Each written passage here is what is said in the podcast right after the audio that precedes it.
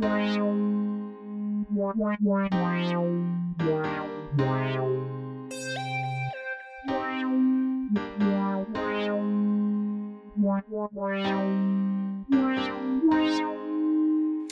är för insnöad, Jaha, vad är det för fel insnöad, med att jag spelar spel?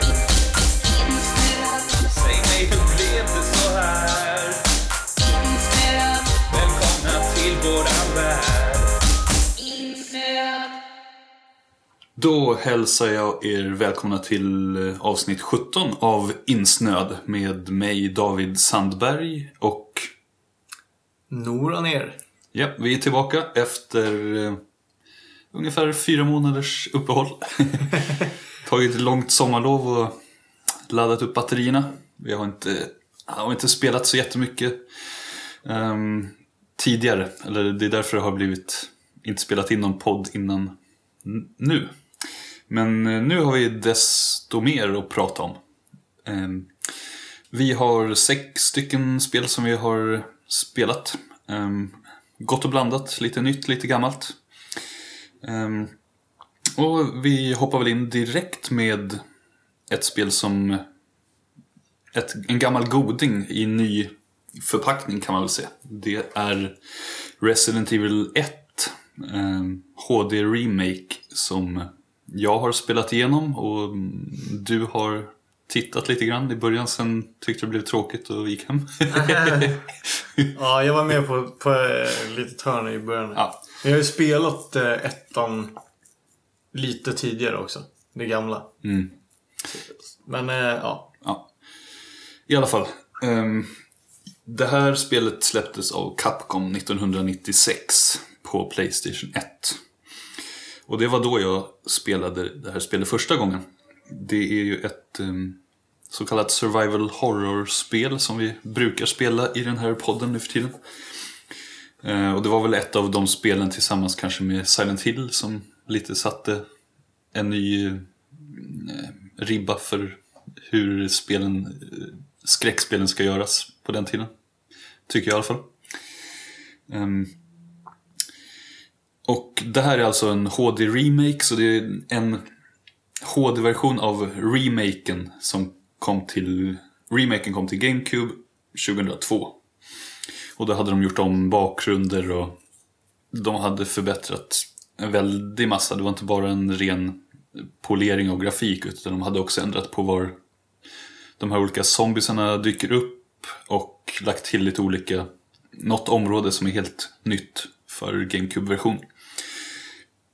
Och eh, ja, annars var väl det mesta sig likt från det gamla spelet. De hade bevarat den stämningen från gamla Resident Evil i den här stora herrgården man går omkring i. Fast man hade förbättrat det på, gjort en remake som var gjorde det mesta bättre. Liksom förbättrade de bitarna som var lite halv halvdåliga i ettan kan man säga.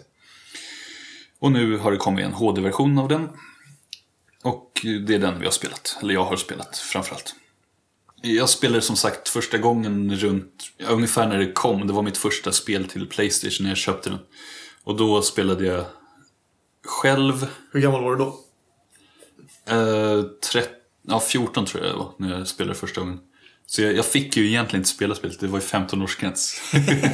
men jag kommer ihåg att jag spelade ju själv mest, men det var ju väldigt läskigt. Man var inte van vid den typen av spel på den tiden. Så ibland lyckades jag få min pappa att sitta bredvid och titta på också. Så här, ja men du kan, du kan kolla på och hjälpa mig lite med de här pusslen. Så, för att det inte skulle vara allt för läskigt. Men sen hade man ju så här svårt att sova och grejer på kvällarna ändå. Men ändå ville man liksom spela vidare för att det var, det var så bra och så eh, spännande. Som man inte var van vid riktigt på den tiden. Ehm, det var det här och sen Tomb Raider hade jag också något sånt där. Inte att det var läskigt men typ, jag spelade så mycket så ibland när jag, när jag sen blundade och försökte sova då såg jag liksom så här spelsekvenser framför ögonen. så det var... Jag, måste klättra upp Ja. här. ja, lite sådär. Så det var, det här spelet gjorde väldigt stort eh, intryck på mig eh, vid den tiden. Sen har jag spelat lite av tvåan och eh, en del av de andra spelen också. Resident Evil 4 tycker jag är jättebra. Eh, Code Veronica hade jag till Dreamcast som jag inte spelade igenom tror jag, men det var också eh, väldigt häftigt. För det var det första Resident Evil-spelet som var i riktig 3D om man säger. Där det, annars har det ju bara varit sådana här förrenderade bakgrunder. Har, har inte det också fått en HDR uppgradering? det finns en version som jag har på Playstation 3 i alla fall. Som är, eh, jag tror att det är någon sorts HD-remake också. Playstation 3? Ja, det finns på... Alltså, Ja, var det som bara kom ut i Japan eller? Nej. Ja, jag, jo, jag har det på... Ja, jag vet inte om det finns att få tag... Jag har en fysisk utgåva, så det är både fyran och... och Ja, men eh, just det kom bara ut i Japan i tror jag. ja. Och fyran och Code Veronica har jag på skiva då, på Playstation 3. Men, så det var ju någon sorts typ av upphottning. Det, men det har jag inte spelat än, så det kanske blir nästa steg då. Eh, I alla fall.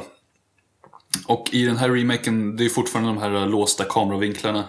Men eh, den gamla kontrollen var ju den här tankkontrollen som det kallas för. Att du, du gick, du vred dig, eh, snurrade runt karaktären med höger och vänster på styrkorset och sen gick du i den riktningen du, du stod i genom att trycka upp på styrkorset. Så det var ju liksom inte den 3D-kontrollen som man är van vid i nu, nyare spel. Och jag antar att det här hade att göra kanske med hur kameravinklarna var också. Att eftersom man in, när kameravinkeln byts så är det inte alltid... Ja, du kan bli, lätt bli förvirrad om du är på väg åt ett håll och håller styrspaken uppåt. Och sen blir det en helt ny kameravinkel så råkar du springa åt fel håll. Liksom. Ja, det så gör ju vissa spel. Ja. Att de byter så man måste ändra. Jo, Det är jag tror... Jag kommer inte ihåg riktigt hur det är i den här... Nu när jag spelar det här spelet, men det, det var visst... Det är, ju- man är ju ganska ovan vid det, att, det byter Mm. kameravinklar. Så, jaha, vilket håll var jag på väg åt nu och sådär. Mm. Man, blir lite förvirrad där ibland. Ehm, men det är ingenting som stör jättemycket. Men i alla fall i den nya versionen så har du möjlighet att välja den här gamla kontrollen eller så kan du spela med den nyare mm, kontrollen där det i princip är som, som den vanliga 3D-spel är idag. Um, och um, ja, det här handlar ju alltså om den här eh, sp- specialstyrkan Stars som kommer till en övergivet, eh, en övergiven herrgård. Eh, och där, är no- där det händer massa skumma grejer och det finns zombies och, och prylar där. Så ska man eh, försöka ta sig därifrån och luska ut vad det är som har hänt. Det är inte så mycket krångligare story än så egentligen, till att börja med.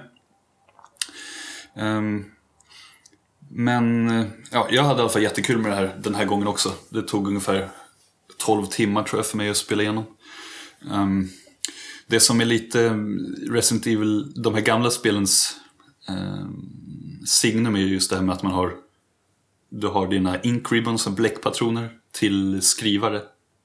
Eller skrivmaskiner. Och det är bara där du kan spara. Så du, du, det är både begränsat när det gäller hur många gånger du kan spara. Så du måste alltid tänka, okej, nu har jag gjort, klarat den här bossen, nu har jag dödat den här fienden. Ska jag spara nu? Eller okej, jag har bara tre, tre bläckpatroner kvar. Ska jag sp- spara nu eller ska jag vänta lite längre för att vara säker på att, inte, att de inte tar slut när det, om jag har gjort något ännu, kommer ännu längre i spelet. Så det är väl en av bitarna som gör att man också blir lite sådär nojig med ah, ska jag spara nu eller inte? Och också gör att det blir lite det är inte ett jättesvårt spel, inte nu när jag, den nivån jag spelade på. Jag tror jag spelade på normal. Um, det gör väl också lite att man oroar sig lite mer för att dö. Även om det inte är jättesvåra fiender så, så gör det lite, att det blir lite läskigt också. Och sen också att man har mm, de här kistorna där du kan lägga vapen och eh, prylar du hittar. Och det är enda stället där du kan förvara dem för du har väldigt begränsat med utrymme i ditt inventory. Så hittar du en, en hagelbössa så kanske du måste eh, fundera på, okej ska jag ha den kvar eller vill jag använda, ha min pistol och flera mer am- ammunition och så vidare. Det är väldigt mycket management kring, kring alla grejer man plockar upp. Det bidrar ju också till att det här att man känner sig lite försvarslösare eftersom du, det har ganska begränsat med, med ammo och, eh, och grejer du kan ha med dig eh, när du är ute och springer omkring i korridorerna i herrgården och alla andra miljöer där. Um, Och jag tycker inte att det blir så jobbigt med backtracking heller, att man måste springa tillbaka och lägga ner grejer som du har hittat. Ibland är det lite knepigt dock när man inte vet när nästa kista kommer eller om, okej, nu har jag hittat fem saker här. Vilka grejer måste jag ha med mig nu? Vilka grejer ska jag använda om en timme i spelet? Och så vidare.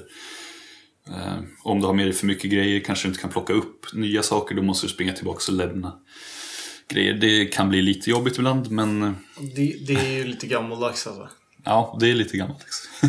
För, för, för grejen är att management-grejen där eh, funkar ju bra. Eh, om, om det just bygger på den här tensionen att liksom så här. Eh, behöver jag, eh, behöver jag typ eh, health eller behöver jag ammo eller sådär. Men när det är så här specifika föremål som du behöver för att ta dig vidare. Då märker man ju att det är lite föråldrat tycker jag. Ja, jo, det är sant. Den, den biten är ju lite... Det är ju bara störigt. Det kan vara lite Faktiskt. jobbigt. Ja, men eh, of, ofta så kommer man ju till...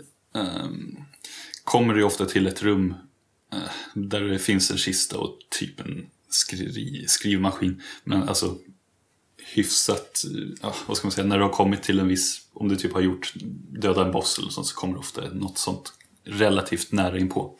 Men eh, det finns ju ställen där det också är så här, okej, okej, vad ska jag använda här? Och så kanske man vill, ja, då är det verkligen så att du måste gå tillbaka en lång bit. Så det är både Ja, och. Det, ibland är det väldigt jobbigt men det tillför också en lite grann det här, okej, vad ska jag ha med mig nu? Hur ska Ja, jag gå ja, tillväga? men ska jag använda mina, min raketkastare eller ska jag liksom... Så den biten är ju Mm. Det är ju en rolig, egen men, mekanik. ja, men just det här att, att det är just som du säger, objekt som man måste använda, att man inte vet när du ska använda det. Det fin- finns ju en del grejer som man hittar rätt tidigt som ska... En vissa objekt är inte jätteanvändbara heller. Nej. Men Det mesta kan du, ska du använda i spelet men det är svårt att veta var, liksom om det Mm. är flera timmar framöver eller om det är direkt efter. Så det, den biten är lite... Det är ju lite mm, klurigt, lite jobbigt ibland. En annan grej var, var roligt det här med kistorna. Alltså hur... Jag tänker rent så här... eh, hur, hur säljer de in det där systemet? Är det så här underjordiska gångar mellan de här kistorna? Eller varför så dyker föremålen upp i en annan kista längre bort? Ja. Liksom? Ja, det är ju lite oklart. Det är lite så här är- konstigt hur de har Det är spel... Det är speligt eller vad man säger. Väldigt, sådär, det finns ju ingen riktigt... De här äh, skrivmaskinsgrejerna, eller bläckpatroner, det kan man ändå köpa till viss del. Att okej, jag ska skriva in mig här, liksom något sånt kanske. Ja, jo, men, exakt. men visst, att, att man lägger ner dem i en kista och så dyker det upp i alla kistor som finns, det är ju lite, det är lite märkligt. Ehm, Ja, lite. det, det är i och för sig... Jag kan ändå föredra det till skillnad från um, Resident Evil Zero som kom också till GameCube. Det var ju exklusivt Ja, för GameCube. där, ja. Då kan du lägga... Jag tror att det är det spelet, jo, det är nog där du kan lägga grejer var du vill. I hela, i världen i princip. Så du hittar något, så kanske du vill byta ut det, ah, då släpper min kniv här. Då finns den bara på exakt den, den platsen. Jaha, och då måste du liksom springa tillbaks till där du la den. För att ehm, plocka upp den om du behöver den sen. så Uff, det, ja, det är då, då, får man liksom, då gjorde man ju ofta så att man hade typ ett rum där man liksom bara proppade sina Ja, grejer precis. Men då var det ju bara det stället där du kunde hitta den Mm. på. Så det var ju också... Ja, det är ju Det värre. Det är ja, fan det är värre. ju alltså. egentligen sämre. Men ja. Så det, jag vet inte. Ehm, det kanske är därför som de har skippat det i senare spel, att det blir för jobbigt. Alltså oavsett hur man gör, om det har så begränsat utrymme så är det svårt att få något, ett bra flow i det där. Mm. Eh, Just den management-biten, att det ska funka hela tiden. Men hade de inte det i fyran också? Något... Eller- ja, jo, man kanske har... Du, det du kan känns ju inte som att utöka man- ditt inventory där Ja. i alla fall. Eh, du kan ju köpa större väskor. Men hade de inte också att du Jo, kunde det- förvara föremål? Har jag för mig. Ja, men jag kommer inte ihåg hur man gjorde med... Det var nog inte lika mycket att såna pussel och sånt där i och för sig. Att man måste ha med sig grejer tror jag. till- Nej, nej, där var det mer grejer. management med Ja. ammo och så. Eh, och typ eh, de här uh, herbsen och allt det där. Mm. Men... Hade man herbs? Ja, kanske. Man. Jo, jo. Okej, ja. Jo, det är de- de ser typ likadana ut också i de senaste spelen. Ja. samma, samma ljudeffekter är det ju också dessutom. Så det är ju kul. Eller liknande i alla fall. Ja, ja nej, så det, det är ju en... Den här kistmekaniken är ju lite Resident Evils gamla spelens signum liksom. Så det Mm. på gott och ont som man säger. Ehm, det som är bra i det här jämfört med första spelet, vad jag minns i alla fall, att här kan du se vilka dörrar du har gått igenom och var du har varit och var det, också var det finns kvar grejer som du inte har plockat upp. Så Ja, du menar gamla versionen PS? Ja, exakt. Ja. det första spelet. Så här Ja. kan du se då att okej, ja, det var hit, här jag lämnade kvar något för att jag inte hade, hade plats med det förut och så vidare. Ja. Och så också vilka dörrar som är låsta och, vilka, och sådana här saker. Så det är ju På kartan? Ja, exakt, på kartan. Ja. Så det hjälper ju väldigt mycket i Ja, alla fall. Det är ja. just sådana bitar. ja, men det är ju bra att de har moderniserat den Ja. biten alltså. Och jag tror också att, eh, om jag inte missminner mig så, i första, i ettan, i första spelet så tror jag inte man har karta över all, alla områden ehm, från början heller. Nej. Eller det har du inte här, alltså du får ju eh, nya kartbitar när du kommer till nya ställen, Mm. vad jag minns. Men i det första så var man tvungen att hitta en karta på en vägg. Som man plockade ner och då fick du liksom kartan över det området du var i. Mm. Så karthjälpen är ju väldigt mycket bättre här. På ett, jag tycker ändå, det är inte liksom det gör inte spelet för lätt utan det är mer så här, hjälper till med sådana här grejer som man bara tyckte var tråkigt förr, eller liksom, tidigare. Så um, ja, jag hade väldigt roligt med det här. Det, just det här att man är lite begränsat med ammo. Nu hade jag för sig, eller man vet ju inte riktigt hur mycket ammo man kom, kommer behöva i framtiden. Så man sparar ofta på, okej, ska jag använda den här raketkastaren nu eller min, ja, grenade launchern, granatkastaren eller inte liksom för att det kanske kommer något svårare sen. Så i slutet hade jag hyfsat mycket sådana skott kvar men, men vanliga pistolskott och shotgunskott och sånt gick väl åt ganska mycket. Så kan du ju välja att springa förbi zombies och så här också. Ehm, om du, de är ju väldigt slöa så du, du behöver ju inte döda alla om det inte är verkligen en trång gång där du måste gå fler gånger. En grej som är ny också för det var nytt för GameCube-versionen, alltså remaken, den för, första remaken. Att eh, när du dödar zombies så kan de återuppstå om du inte eldar upp dem med bensin eller tror man kan stampa på deras huvuden också eller något sånt. Mm. Då kan de återuppstå som mycket kraftigare, kraftfullare zombies. Så de ligger liksom kvar, det här liket, i de rummen där du har dödat dem. Så om du kommer in och det, då ser du ett lik och då är så här, "Jaha, okej, kommer det här börja leva eller inte? Så man är också lite rädd varje gång man kommer tillbaks till gamla rum. Man känner sig inte helt säker där liksom. Det, Förut- det, det är smart Ja, så det faktiskt. gör också att det är så här, okej, nu det är bäst att bränna upp den här. här annars kan det bli jobbigt sen.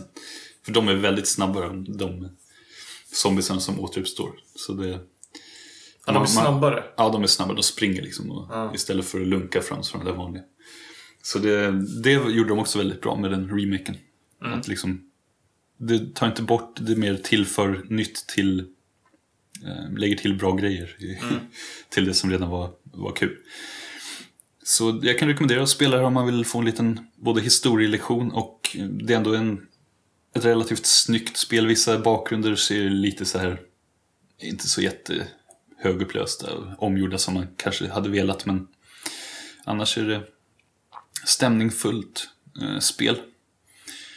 Eh, man är ganska ensam hela, rätt mycket, det är inte jättemycket monster och sådär så det är inget actionspel så. Det är ju ganska mer att man springer omkring och löser små pussel och stöter på vissa monster här och där och, och så.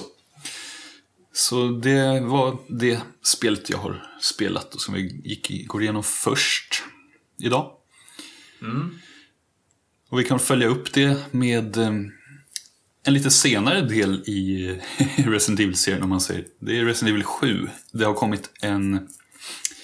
Det släpptes ju en trailer för det i, på E3 i år och så kom det en demo i, runt där också.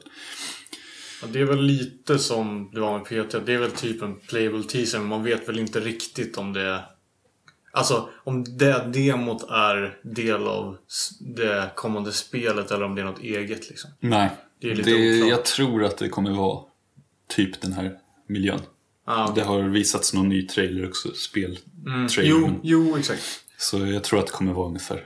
Och de hade ju utökat det nu på E3. Eller vad nej, vänta. Jag tyckte jag såg, nej det var inte på E3, vad, vad snackar jag om? Uh, Ja, någon av de senare mässorna som har varit Gamescom med. kanske? Gamescom i Tyskland kanske det var. Då såg man mer gameplay. Ja, jo exakt. Det har kommit sådär. lite. I alla fall, det är ju... Det, det ska ju bli lite en ny start för den här serien. Mm. Känns det som. Både rent... Ja, för att det har... Vad ska vi säga? Spårat ut PT. kanske? Eller, eller har spunnit iväg lite grann från de gamla Resident Evil-spelen och det har blivit co-op-spel. Femman, Resident Evil 5 har ju du spelat, eller hur? Mm. Tyckte du var kul? Ja, absolut. Alltså... eh, definitivt. Men för mig är liksom Resident Evil... Det är kanske en liten avstickare, men för mig Resident Evil har aldrig varit en läskig spelserie för mig. Utan det har varit en, en riktigt nice, ac- alltså bra actionspel eh, i typ lite skräckmiljö. Men jag har aldrig sett det som... det Jag spelade inte ett när det kom och så vidare. Jag spelade inte de gamla spelen riktigt. Nej. Men de här senare, både fyran och femman gillar jag jättemycket. Eh, Jag vet att femman har fått mycket hat, men jag, jag tycker att det är en jättebra actiontitel. Liksom. Det är bra co-op-spel. Det, det är bra Det- co-spel, det är jätteroliga bossfighter, det är bra levels. Liksom, det, är, det är kul, ja, det, är bara, det är bara jättekul att spela liksom. Jag, Mm. jag tycker det är jättebra. Men eh, folk som är liksom fans av de tidigare verkar, verkar inte gilla de senare. Alltså det, Jag de tror senare, att många gillar det som co-op-spel. Inte som Ah. enspelarspel. Men Nej. Men det är co-op, är- alltså jag kan förstå den kritiken lite för att alltså co-op och skräck går inte riktigt hand i hand riktigt. Eh, skräckspel ska ofta spelas själv. Men, men just det, jag tycker att det funkar eftersom... eh, Alltså jag skulle inte vilja spela ett Silent Hill-spel i co- co-op liksom. Men så, s- spel som jag tycker är läskiga på riktigt liksom. Medan Resident Evil alltid sett som lite mer så här jump scares, eh, liksom action shooter liksom. Och då tycker jag det funkar asbra med co-op. Så, ja. Anyway. Ja. Och sen kom ju Resident Evil 6 som också ingen av oss har spelat tror jag. Men Jo, jag har spelat lite grann Oj, okej. Mm. Jag har spelat kanske två timmar av det. Det var inte kul. Nej, det, så nu är det väl lite ja, på väg, eller liksom att göra en liten, liten nystart med ett väldigt, helt nytt ehm, gränssnitt också om det kommer fortsätta så här. Det är ju ett första persons Resident Evil som det här demot visar i alla fall. Där man vaknar upp i ett, ja också ett gammalt hus i princip. Också en sån här klassisk skräckmiljö. Och ska, mm, sk- det står liksom okej, get out of the house, typ. Det är liksom målet med det här demot. Så. Och sen, ja, jag vet inte, det är, det är ganska snyggt spel. Det ser liksom, absolut. det är mörkt, det är ficklampa man går och lyser med. Man hittar, man hitt, ja det finns några notes och man hittar en video där man kan se lite grejer. Och det finns lite såna här mannekänger, skylt, eller skyltdockor som också är så klassisk skräck. Rekvisita, Ja, det- så det, det är väldigt sådär, det är mycket skräck, eh, så. ja. De har ju typ nästan alla i det här demot egentligen. Mm. Eh, Och det är ju ingen Verkligen. action alls i princip. Det Nej. här är ju bara att man plockar upp grejer och, och går omkring. Det är ju som, det funkar ju nästan exakt som PT. Det, det, det är inte för inte som... Alltså det har ju... Det här skulle inte sett ut som om inte PT hade kommit. Så Nej, det tror jag man kan vara ganska säker på. Ändå. För det är ju som att PT kom ju och typ satte standarden för hur skräckspel ser ut nu ungefär. Mm. Men, men det, eftersom det aldrig kom och så här så blir man ju taggad på det här. För det känns som att det vill göra lite samma grej ändå. ja. Så mm, det här var inte långt. Jag kommer inte ihåg vad det tog, men det var väl kanske 20 minuter, en halvtimme eller så tror jag vi spelade på. Mm. Det Det, finns ju... Alltså, vi spelade ju liksom barebone. Vi spelade ju typ det som man spelar. Alltså vi... Det finns ju en massa hemligheter och sånt som jag inte Mm, tror att vi kanske hittade. Men, eh, så det är ju folk som har verkligen så här försökt hitta allt Mm. sådär. Men, men jag tror vi, vi körde väl kanske bara så här, Ja, eh, spela igenom. Det är vägen, kort. liksom. Så. Det tog väl kanske en halvtimme typ. Men det, det är lite försmak och det, det ska bli kul att se vad, som, vad det färdiga spelet blir. Om det går liksom att, eh, att bygga, om det blir ett roligt hel fullängdsspel också av det. Mm. Ehm, det var lite det man tänkte med PT också. att säga, Okej, det här kommer ju, det är perfekt att spela typ en, två timmar eller vad det tog. Mm.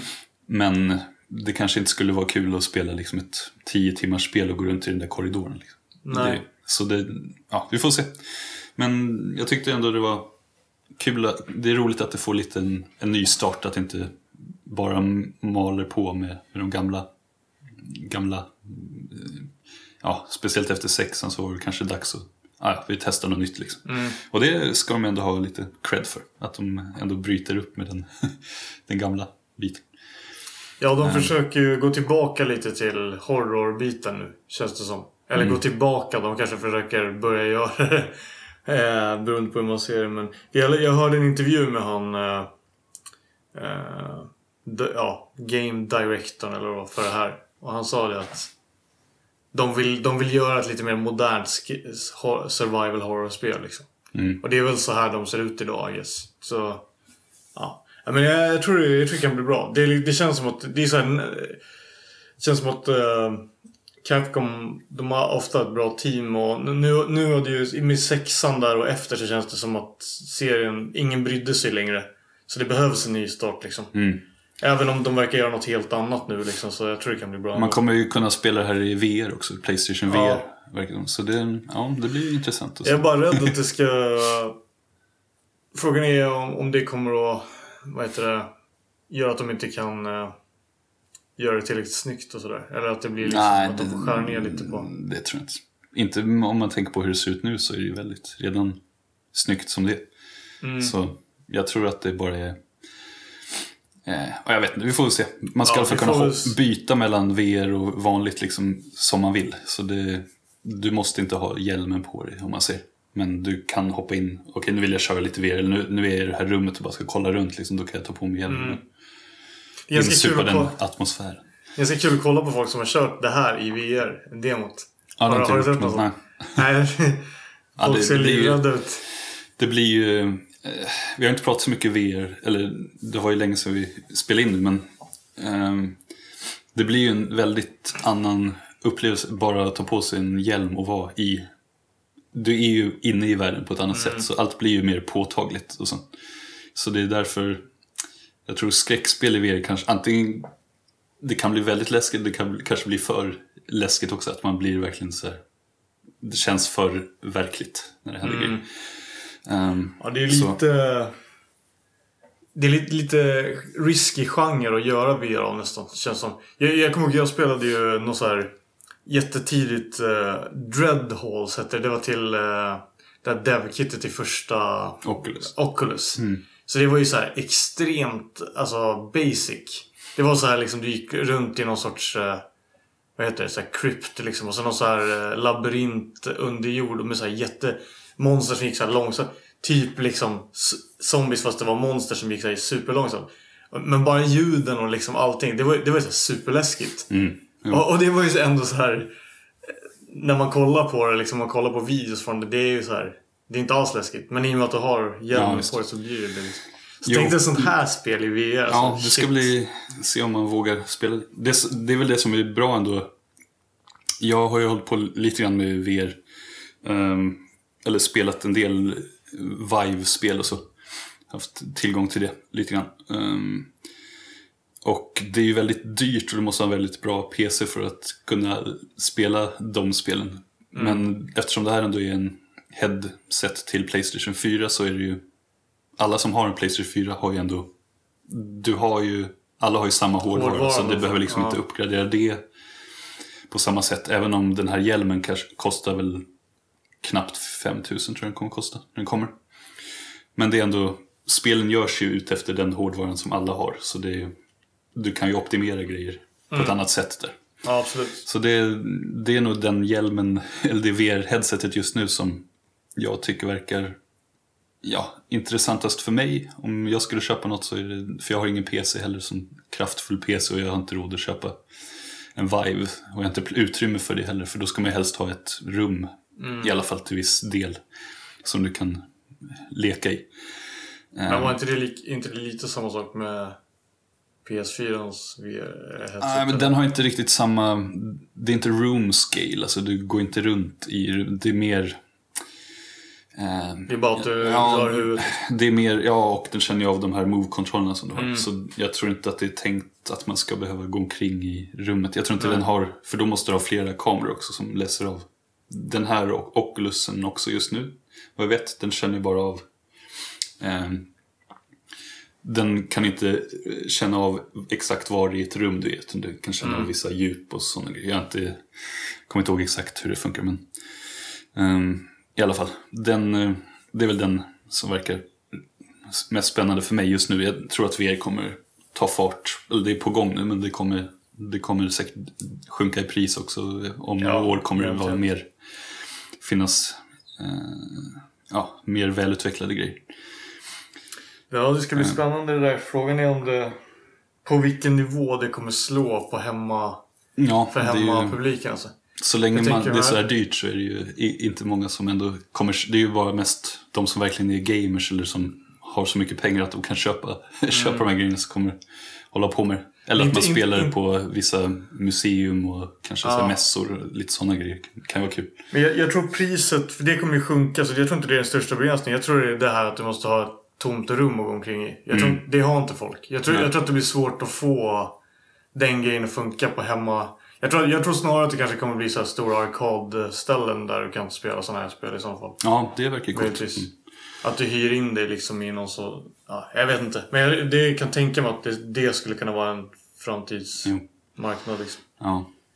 Jag tror nu när jag tänker efter att Oculus Riften också har att man kan köpa till typ en ehm, till kamera. Så att du kan ha Ah, room scale. Men jag är inte hundra på det. Så ah, Nej. never mind. Ja, ja. Ehm, det var ett litet sidos- sidospår. Men, Men eh, är du taggad på sjuan då? Ute efter, ja, det blir kul att, kul att se vad som, vart det tar vägen. Så, Mm. Ja, Ehm, definitivt. Mer taggad än om de hade gjort en vanlig Resident Evil 7 uppföljare. Eller Mm. alltså på sexen. Jo. Så ja, det var väl de två första skräckspelen för idag i alla fall som vi har kollat in.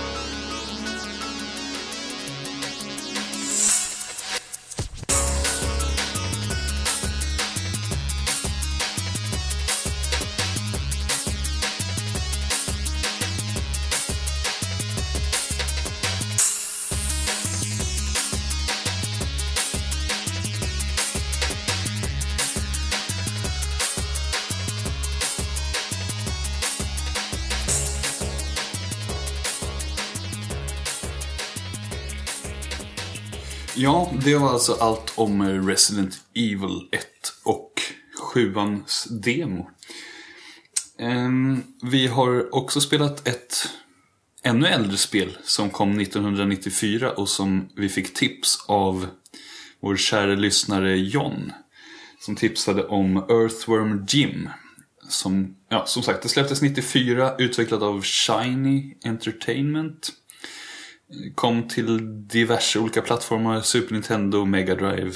Ja, och en del andra tror jag. Ehm, Och det är ju Dave Perry som är så här, ja, jag vet inte hur, mycket, vad han gör just nu, men eh, Nej. han gjorde väl det här. De gjorde um, Messiah, då hette de var en liten kerub eller en sån här ängel. Mm. Jag tror man kunde typ ta över andras kroppar eller något sånt där. Jag kommer inte ihåg exakt vad det gick ut på. Men det var... Men, just det. Det var det snack om. och Aladdin kanske? Ehm, Trodde du alltså? Ja. Just Möjligt. Jo, jag tror att det Till, var de, eh, samma team. Vil ja. Never mind. Ehm, I alla fall, det är ett plattformsspel. Som, där man spelar den här... eh, Ett väldigt klassiskt plattformsspel kan man säga. Ja, För den tiden, 2D-plattformsspel. liksom. Ja. Ja. Ehm, där man spelar den här masken Jim då. Det var baserat på någon serie också, eller? Alltså, Du trodde det? jag, är lite osäker, men jag vet att det fanns en tv-serie. Eh, och jag tror att spelet kom efter, så att säga. Alltså Mm. tv-serien var först. Jag, det, kan, det kan vara så att det var en serietidning först till och med också. Men jag kommer ihåg att jag såg det på typ så Cartoon Network när jag var yngre. Ja, och tyckte det var det bästa du sett. Ah, jag tyckte den var helt okej i alla fall. Men den var lite Sju så av tio. här wacky liksom. Ja. Ja, Eh, ja, men Ja. alltså, jag tror det. Men det kan vara så att spelet kom först. Faktiskt, också. I alla fall, John tipsade som sagt om det här för ett par avsnitt sedan. Det var ju väldigt länge sedan, men nu har vi... Vi försökte spela lite grann för förra, inför förra gången tror jag det var. Eller något sånt. Ja. Men nu har vi spelat, gett en chans till. Ehm, ja, jag vet Men inte vi har inte tagit oss igenom Nej, det har vi kan man säga inte gjort. Det måste vi Eh, ändå säga. Ja, det måste vi säga. Och anledningen till det är väl, ja, det är lite allt möjligt. Jag kan förstå varför det här var hett när det kom, för det finns ändå... ehm, animationerna är ganska snygga på karaktären och sådär. Det är ganska snyggt tecknade fiender och sådär. Tycker För, jag. för sin tid. För sin tid, ja. Ja, definitivt. Alltså... Hur Ja. de rör sig och det är lite liksom ja, animationer och stil och sådär. Kän, Känns ganska så serie, lite serietidningsaktigt eller liksom vad man ska säga. Jag vet inte. Väldigt Mm. Jo, te- tecknad serie. Lite Väldigt sådär. cartoon Ja. liksom. Ja, definitivt.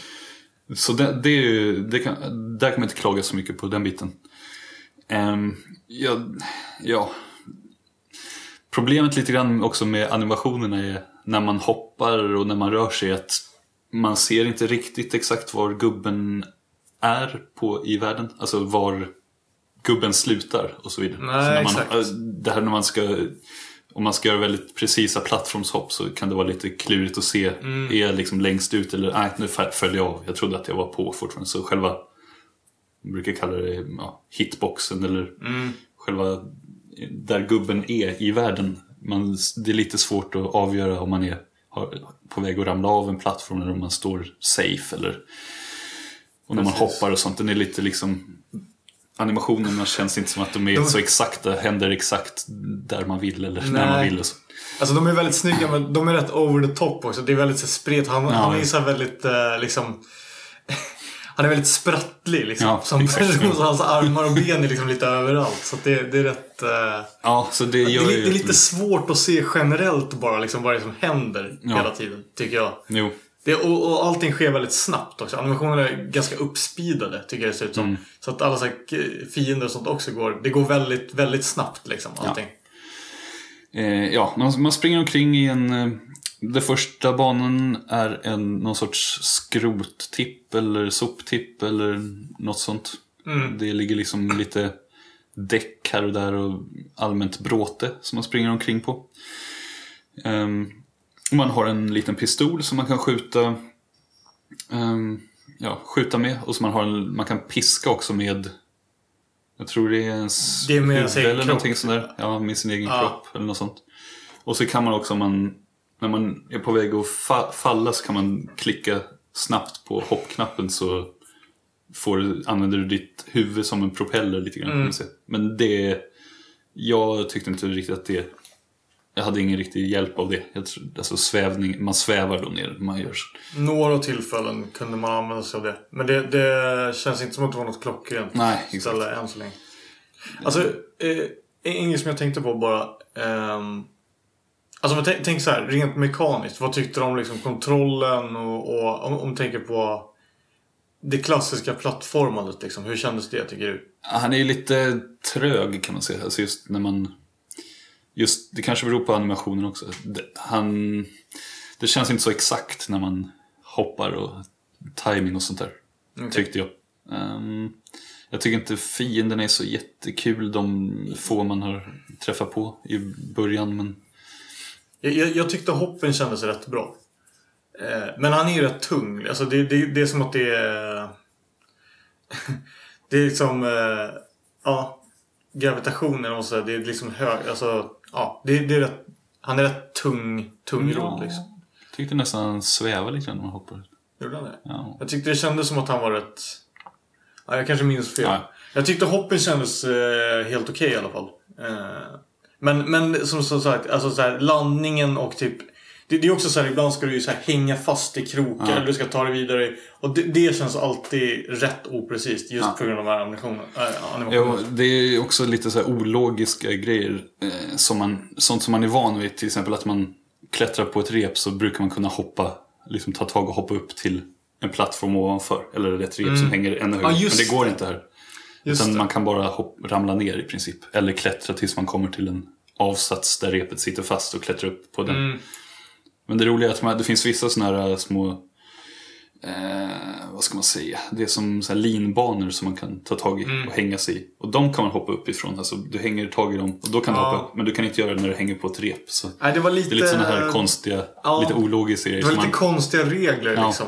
det är liksom eh, i inget, kon, inget konkret som liksom följs. Ofta, man köper ju ganska mycket i olika spel. Så Mm. att, att saker funkar på ett visst sätt. Men då ska det helst funka så för allt. Så Mm. lär du dig det här, okej, det, det så de här reglerna som finns. Till exempel Mm. Mario. Han, han hoppar högre ju längre du håller in knappen. Han har Mm. väldigt hög acceleration neråt. Till exempel. Och sen börjar man sväva lite.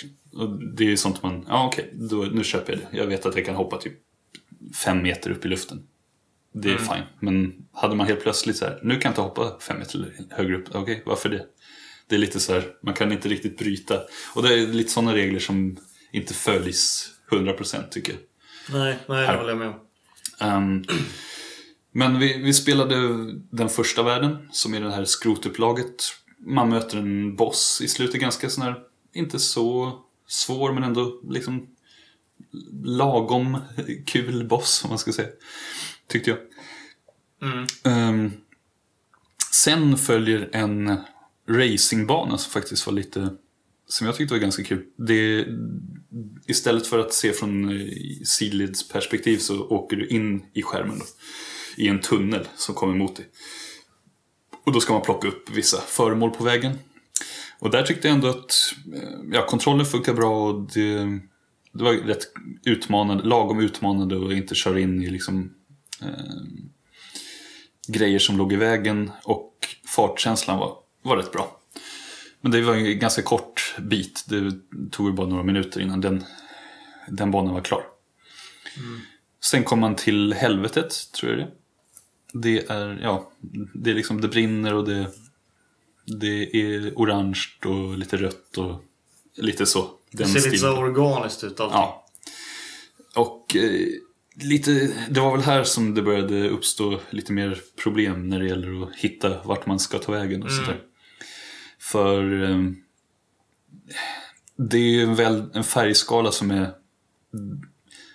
det är inte mycket som sticker ut, utan det är verkligen så här, det är mörkt orange eller ljust orange eller lite brunorange. Så det mesta är liksom ganska liknande färger, så det är lite svårt ibland att se vart man ska ta vägen. Och eh, jag tycker också att eh, på flera ställen så var det, okej, eh, nu, jag tror att jag ska hoppa dit. Kan jag nå dit? Nej, det verkar inte så. Eller okej, jag, om jag gör så här så kan jag nå upp hit. Men sen kan jag inte komma vidare. Okej, var, vilken plattform ska jag hoppa till? Och kan jag, lite sådana här grejer som liksom oklara bandesign som känns för oklar helt enkelt vart man ska ta vägen. Det är liksom, man testar, ja det här borde funka men nej det gick inte. Och sen provar man igen och då lyckas man kanske göra ett längre hopp och då klarar man det. Så det är lite sådana bitar. Det, det, det var rätt hardcore, men, men det var ju ofta det på den tiden i sådana här spel. Men det känns som att det var... För, för det tänkte jag också på, det var ingen tutorial. Du kastas bara rakt in och så får du typ testa olika mekaniker. Och det var inte så att första banan heller riktigt var uppbyggd för att du skulle lära dig mekanikerna riktigt. Utan det var så här, kommer ett nytt hinder och så får man typ så här figure it out typ. Men det, men, ja, det är lite så old school design liksom. Eh, men eh, ja, jag vet inte. Jag, jag tyckte att det kändes rätt... Eh, alltså det var inte ett dåligt spel. Egentligen. För, alltså, man måste nästan se det i den tiden. Alltså, jag, jag, hade inte jättekul med det nu. Nej. Så kan jag säga. Eh, det kändes lite, lite förlegat faktiskt. Eh, men, men samtidigt i, om man ser i den liksom, kontexten då det kom ut så var det nog eh, Alltså det var ju definitivt top of line grafiskt säkert men, Jo. men det var nog typ ett i mängden av, av den typen av spel. Fast det var typ mer wacky och Ja. kanske... Det känns lite som att det vissa ställen är också, det är för, man är för, eh, man ser för lite av banan liksom. Du är för nära mm. karaktären. Karaktären är ganska stor och eh, det känns som att kameran skulle kunna ha varit lite längre Ja, ifrån så man ser liksom, okej, lite mer vart man kan ta vägen. För nu är det så här, det är lite så att man hoppar till vissa grejer på måfå för att du, Mm. man tror att ja, dit ska jag nog men du kan liksom inte se, du ser inte särskilt långt på, det, i det, världen. det är ju aldrig bra i plattformsspel tycker jag. Nästan generellt. För, för det var också lite av det där, det led lite av det där att eh, ibland så såg du inte vad som var under dig och du hoppade ner och så typ så här dog du. Ja, för att du det- råkade hamna på så här lava eller whatever liksom. Och det är, inte, det är ganska unfair tycker jag. Så, den typen av design liksom. Det är lite det man har gått ifrån i modernare spel. Det, I den genren tycker jag. Att man har börjat insett att Alltså det, det blir inte så mycket skill i det då utan då är det, så här, då är det mer så här memorera banan liksom. Och det är ganska Ja. hardcore. Det, det är liksom. ju ganska mycket så här verti trist. vertikalitet också. Att man klättrar liksom uppåt. Och sen om du missar ett hopp, det är inte så att du liksom kanske dör och börjar om precis där du var. Utan du ramlar ner och så måste du liksom klättra upp hela vägen igen. På vissa Mm. ställen. Och det, den biten känns ju inte så... Då dör jag hellre där uppe och så börjar om och försöker få göra om hoppet. att där, liksom ramla okej. ner och behöva springa upp. Försöka springa upp igen. Ehm, så det är lite sådana här grejer som också det här att man Vissa ställen Också i den här helvetesbanan så finns det där krokar som man kan hänga tag i liksom, om du piskar till när du är i luften. Och jag tror där vi slutade spela då var det att man, man tar tag i en sån där krok men man kan inte hänga kvar utan man släpps, släpps automatiskt. Och då gäller det att veta, okej, vad ska jag göra nu? Och då, tänk, då tror man, då såg jag liksom, ja det finns en till krok. Antingen är det bara jag som är dålig eller så ska jag, är det där jag ska piska och ta tag igen eller ska jag liksom göra en, är jag helt ute på fel spår. Så det, det är liksom det här osäkerheten, så här, man vet inte riktigt. Ska Nej. man försöka igen eller är man på helt fel ställe? Så det är lite Men det, som är problemet med... Men det är ju det gammaldags oförlåtande sätt liksom. Mm. eh, att designa på. Jo, Jag tycker men- det, det är lite det som gör att det, att det inte riktigt håller idag. Mest. Eh, Jag tycker mekaniskt så är det helt okej liksom. Mm. Ja. Jag tror att det kanske hade mått bättre av om det var mer linjärt också. Nu är det ändå liksom en bana som du kan liksom springa omkring lite hit och dit känns det som. alltså man vet Mm, jo. inte riktigt vart man... Om du har Mega Man eller Super Ah. Mario, då vet du ändå oftast att det är liksom vart du är på väg. Det är vänster Ja. till höger liksom. Och det, Ja. det här, visst det gör det lite nytt där kan man väl säga. Lite annorlunda men det, det är svårt också när man inte riktigt... Jag tycker inte att man vet tillräckligt mycket vart det är man ska ta vägen utan man hoppar iväg på måfå. Äh, jag testar att hoppa hitåt. Liksom, lite så. Och till slut när man inte lyckas göra vissa grejer så är det liksom... Ja, då blir det rätt tråkigt i längden. när, man, när det är så här, hopp, vart ska jag ta vägen nu? Ingen aning. Jag testar det här, nej det gick inte. Ja, det... Den biten tyckte jag, det var det som förstörde lite grann för min del. Att man gjorde att man inte, annars har jag inget problem med liksom att, dö och köra om om man vet att okej, det är det här man måste fixa nu. nu. Om man lär sig att bli bättre. Men här var det lite mer den här, ja, att man inte vet att man, om man ska Nej. ens försöka igen eller om det ska göra något helt annat. Den biten gör att det blir, blir lite tradigt. Det var väl det som gjorde att vi gav upp, om man säger. På den här Ja, banan. Eh, ja, men det var, ja, det var lite för, för hardcore. På det sättet. Ja. Eh, och kanske inte på ett bra sätt. Det var inte Nej, att det var svårt men väl designat. Utan det, det var väldigt svårt att veta vad man skulle göra för att det var ingenting i Leven som, som gav dig någon, någon sorts eh, information om hur du tog dig vidare i princip. Nej. Eh, Och allting, det var som du sa, det var väldigt liknande färger och grejer överallt. Så det var, det var svårt att... Man fick ingen guidning på det sättet. Nej. Man vill gärna ha någon visuell liksom, ledtråd. Eller någonting. Jo. Eh, Så det, det, det, det gjorde det svårt liksom. Ja. Ja, så det, ja, som sagt, det var... eh, Jag tyckte det var snyggt för liksom snygga animationer och sånt och jag, jag tror också att det var... Jag tror att jag spelade lite grann eh, när det kom. Och då tyckte jag också, wow, jäklar. Mm, jag kommer ihåg att jag körde det eh, när det kom också. Liksom hur man skjuter och att gubben rör sig liksom hela tiden i princip. Så är det inte, den har liksom ingen statisk... När man står still då är det också så att han börjar göra grejer om man väntar för länge. Mm, ja, saker. det var just det. Det var lite uh, random idols Ja. och sånt. Ja, Så- nej, men det var... Ja, Det, det var ju mycket snack om det då. Det minns jag. Jo. Att det var ju så här, alla var så här wow, typ. Eh, Men, det, men det, det, det var, jag tycker det var intressant att spela just därför att, att, att eh, det är kul att gå tillbaka till gamla spel av den anledningen. Alltså det kan vara sorgligt om det är sådana spel man har goda minnen till. Men det här var ett spel som jag inte hade så mycket relation till. Så det är kul ändå att se att den här genren har utvecklats väldigt mycket sedan dess. Jo. eh, tycker jag. För man är ju bortskämd med så här, Super Meat Boy och, och motsvarande liksom idag. Där det mesta är väldigt välgjort liksom. Ja, Och det har gått ifrån de här gamla hardcore-bitarna liksom. ja det, det är ju hardcore men det är liksom... Super Meat Boy tycker jag är jättekul men det är ju för att... Eh, man märker att man blir bättre och man liksom kan... Man vet att det är man själv som gör fel. Att man, man vet typ, ja det är hit jag ska. Jag måste bara bli bättre på att lyckas liksom utföra de här knappkombinationerna typ. Jo. Och där har man också en annan överblick över banan än vad man har här. Men ja, det har vi pratat om förut. Yes. Ehm, så ja, jag, jag kan jag, jag tackar John för tipset men jag kan inte säga att jag håller med. Och jag vet inte om John har spelat det nu på senare tid eller om det var ett nostalgiskt tips. Nevermind. Eh, I alla fall, det, vi tackar för det tipset. Det är alltid kul att prova nya spel även om man inte kanske uppskattar dem på samma sätt som alla som tipsar. Men det var roligt att, att testa i alla fall. Mm, ja, definitivt. Ehm, Så skicka gärna fler tips. Vi kommer att försöka spela de spelen, testa dem. Och eh, om vi inte gillar dem så kommer vi väl säga det. Om vi gillar dem så säger vi det. Ehm, Och vi har ju också, Vi har GTA San Andreas eh, på vår ja, lista. som vän- vän- väntar också. Så Ja. det får vi också försöka ta tag i. Mm. ja men eh, det, det står ju näst, näst på tur. Ja, exakt. Insnöad, Ja, och från ett spel från 90-talet till ett på 2000-talet. Har du gett dig i kast med ett spel? Mm, det var eh, ett eh, spel som eh, som var legat på min Steam min, min Steam-lista på eh, ett bra tag och eh, som jag har varit taggad på i princip sedan det kom ut. Eh, och nu har, har jag fått lite tid att spela det till slut. Eh, och det är spelet Thomas Thomas Was Alone heter det. Ehm, det var, kom ut först eh, 2010 som ett sånt browser flashspel i, som man kan spela i browsern.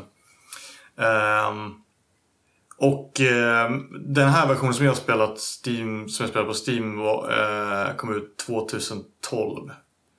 Um, ehm, jag är inte helt hundra om det är exakt samma spel. Eh, eller om det är så att de, han, har byggt vidare på det, designen. ehm, på Det är ju ett väldigt långt spel. Eller Eh. i alla fall, det är svårt att tänka mig att det skulle vara så långt om det var ett flashspel. Nej, jag exakt. inte. I, som jag har förstått det så, så har han liksom byggt vidare på det. Men jag är inte helt hundra på det.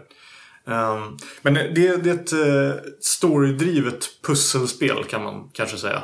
Um, som, det handlar om eh, om en eh, artificiell intelligens som heter Thomas.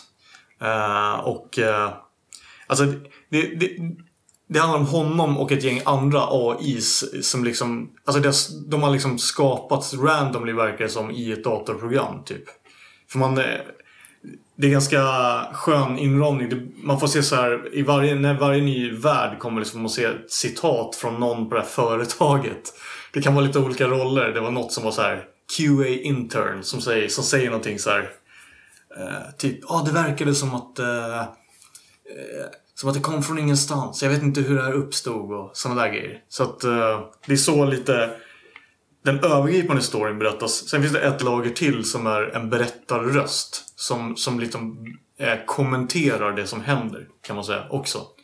Uh, och det är någon typ känd komiker typ som har den rösten. Jag känner inte igen det namnet men...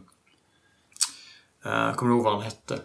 Eh, Wallis någonting? Ja, någonting sånt. Humorist stod det på Wikipedia. Ja. Men jag tror han är, han är britt i alla fall. Men... ehm, Vad heter han som gjort spelet? Sa du det? Eh, nej, uh, designern heter Mike Bithell, tror jag. Eh, och jag vet inte så mycket mer om honom, men jag vet att det här spelet blev väldigt omtalat när det kom. Och det är väl framförallt för att eh, Dels för att det kanske är storydrivet, eh, men också för att det är ett storydrivet extremt minimalistiskt pusselspel kan man säga. Det, grafiken är eh, eh, alltså alla karaktärer i spelet är olika typer av kvadrater. Eh, och eh, ja, det är bara så här, sim- allt är uppbyggt av så här sim- simpla former liksom, helt enkelt. Eh, men det är rätt schysst också. Det, det är ändå så här, det är 2D men det, är, det har liksom så här schyssta ljuseffekter och sånt ändå i två... Ja. Så det ser väldigt mysigt ut liksom. Och den där berättarrösten gör ju också att det blir så här. Det är ju mörk, väldigt, alltså... Typ svart bakgrund hela tiden, verkar det som. Mm, ish. Och, ja, och sen är det liksom de här fyrkanterna med olika färg som har olika namn och liksom får olika personlighet genom den här berättarrösten också. Så det är ju Exakt. liksom så här som en saga lite grann, som man, man ska lösa de här pusslen. Så det, jag var ju med och spelade lite grann, någon timme eller så. Men det, det, är- det är rolig pussellösning också och en väldigt bra berättarröst. Ja, precis. Jo, men det är just det här med att de... Alltså det det här spelet lyckas med som ganska få, få spelande lyckas med är ju att man... Eh, alltså det fantastiska är att det, det lyckas eh, få fram de här personligheterna utifrån liksom olik, olikfärgade kvadrater i princip. Så det, till att börja med de får olika namn och sen så de har verkligen helt olika personligheter och det är liksom lite olika intriger mellan de här olika också. Det är någon som typ vill, vill vara helt ensam. Den här Thomas vill ju inte vara ensam utan tycker det är kul att få sällskap. För det kommer nya sen. Kvadrater, liksom karaktärer. Och alla de här karaktärerna har då olika förmågor. eh, Kan man säga. Det är någon som kanske är... De har olika form och färg och, och har olika skills liksom. Och det är ju en, kanske ett tema med spelet. Det är också det att eh, som kanske också, det är också ganska liksom ehm, eh, inte så vanligt i spelvärlden eller generellt i kanske eh, i samhället idag heller. Att det, det, är liksom, alltså det är ett spel som handlar väldigt mycket om eh, gemenskap och ehm, vad heter det? Eh, alltså teamwork eller vad som de kallar det för. Eh, samarbete. Eh, det är liksom ett stort tema för det här spelet. Att det är just det att ingen av de här karaktärerna skulle kunna ta sig vidare själv med sin egen förmåga och, så. Utan alla behöver varandra. Och pusslerna bygger på det. Att det, bör, det byggs ut mer och mer. Att ju, ju fler världar du klarar desto fler karaktärer introduceras och deras förmåga blir viktig så att säga. Uh, vilket det är ett ganska smart sätt att lägga upp det på för det blir inte så enformigt. Utan på det sättet kan man också introducera nya mekaniker allt eftersom. Liksom. Mm. Ja, det är ju väldigt... Det är väldigt, som du sa, det är väldigt avskalat men ändå väldigt, eh, vad ska man, fokuserat när det gäller spelmekanik. Liksom. Spelmekaniken är väldigt väl uttänkt alla, exakt alla pussel, hur man ska lösa dem och sådär. Mm. Och eh, det blir ju kul också med olika, att just att de är olika de här karaktärerna, eller klossarna. Ja, Mm, att de har olika, liksom, en kan, stutt, kan man studsa på, en kan man... Så det blir ju också det här att okej, hur ska jag lösa det här? Man blir liksom... Det är kul att sitta och fundera ut hur man Mm. ska göra. Tyckte jag. Men det, det, det är också en, en för att hoppa till det bara, liksom, en liten kritik jag hört mot det här spelet och som jag också faktiskt håller med om. Är lite att en av de roligaste grejerna med spelet är att fundera ut hur du ska klara en bana. Det är inte alltid lika kul att faktiskt genomföra det sen. Utan det är just det här, hur ska jag göra? Sen när man har löst det så känner man sig, då känns det bra. Men sen så, att genomföra kan ibland bli lite tradigt för att du måste i princip gå igenom hela banan ibland med alla de här olika då efter varann. Och göra i princip samma sak och så. Så att det kan ibland bli lite, lite trist när det är många karaktärer att ha med dig också. Ehm, men jag tycker att pusslen har, det är på väldigt bra nivå. Det, det är precis så här lagom svårt hela tiden nästan att... Eh, eller i början är det väldigt lätt och sådär men, men sen det, det, avancer, det blir mer avancerat men det är aldrig så att man liksom fastnar för länge tycker jag utan det är alltid på lagom nivå nästan. Eh, och och det, det är väldigt svårt att göra sådana pussel. Jag tycker det här lyckas bra med det. Men det är också ganska simpelt på det sättet att pusslen är ju också, det är fysikpussel. Det är liksom så här, hur ska jag med hjälp av de här olika... Det är ofta så här, jag behöver den här för att kunna hoppa på den för att ta mig upp dit. Eh, och, och så vidare. Det blir ju mer avancerat än så, men det, det är ju liksom det grundgrej-konceptet. Liksom, att de behöver varandra för att stå på eller hoppa på för att ta sig vidare. Liksom. För det är i grund och botten, det är ju egentligen bara en plattformare med hopp. Det, det är ju the basics liksom, egentligen. Ja, men jag, angående den här berättarrösten så tror jag... jag, jag kanske har fel där men det känns lite som att det här var ett spel som gjorde kanske att det tog fart. Liksom, det här med att ha en berättarröst i spel också. Det har ju kommit Bastion som jag spelat tidigare. Jag tror att det kom efter det här i alla fall. Jo, det, det borde det gjort. Jo, Så, ehm, jag vet inte, det känns lite som att det gjorde det väldigt bra och visade att, att det kan vara kul att ha en... Jag, vet inte, jag, kanske, jag vet inte ens hur många spel det är som har berättarröst men det kändes lite som det här var ett av de första jag kanske eh, fick höra om. I alla fall, som hade en sån röst på det här sättet. Mm, jo, det funkar ju väldigt bra med att den kommenterar. Det blir lite meta också eh, i det, tycker jag. Att just det här att kommentera vad som händer. För det, eh, det är ganska... Det blir... Ibland är det seriöst och ibland är det väldigt roligt. Till exempel i början så, så blir det ju också... ehm, så driver spe, spelet lite med så här spel med tutorials och sånt i början. Det är liksom... Berättarrösten kanske säger så här... Eh, Åh, här, här ligger de här välplacerade grejerna precis så att jag kunde hoppa över. Och sådana här grejer. Alltså det är verkligen så här. Det är meta på det sättet också. Vilket kan bli roligt. Eh, jag, jag tycker det gör, det gör det väldigt bra liksom. Eh, hela den biten. Ja. Eh, För det har ju, ja, som sagt, Bastion hade det också. Sen det här, det som fortfarande, eh, det som kom nyligen, King, jag tror att det är Kings Quest. Alltså det kom, har ju kommit nya delar i den Kings Quest-serien. Där då är det också en berättare som berättar medan Mm, man spelar. Så det, det, det, görs det bra så är det väldigt kul. Mm. Till, det blir liksom också som att någon berättar en saga för en. Liksom. Om Man Mm. Ser. Absolut. Ehm, Mm. Men du är nöjd med det annars, eller? Du tyckte det var... Ja, alltså jag tycker att det här är ett jättebra spel. Ehm, verkligen. Och jag ville säga det också bara att, att eh, soundtracket är också... eh, Det är väldigt så här elektroniskt och alltså allt, allting... ehm, försök, försöker liksom, eller allting passar in i det här temat med att det är liksom i en dator måste säga, eller i ett program. Som det, så det är så elektroniskt och väldigt så melankoliskt soundtrack. Eh, men en annan grej som jag tycker är stort med det här spelet bara också, eh, tycker jag är att det är ett spel som handlar om väldigt mycket så här stora grejer. I, eh, men gör det med det här extremt minimalistiska, simpla sättet. Och det, det, det är stort tycker jag. Det är liksom det finns humor, det finns kärlek mellan de här olika karaktärer, några av karaktärerna. Det är liksom vänskap. Det är här riktigt stora liksom existentiella grejer som tas upp i det här lilla formatet. Och, och det, det gör det extremt bra tycker jag. Ehm, så att, ja, jag, jag tycker att det, här är, det, det är ett jättebra spel. Jag kan verkligen rekommendera det. Ehm, mm. Ja, det... Eh, som sagt, jag har bara spelat lite grann men jag, jag hade väldigt kul den tiden. Och det är ju liksom inte så jättelånga banor alltid heller utan det är ju... Så man kan ju spela några banor i taget och så sluta liksom. Och Du måste inte sitta jättelång period om du inte vill. Eh, så det är ju nice.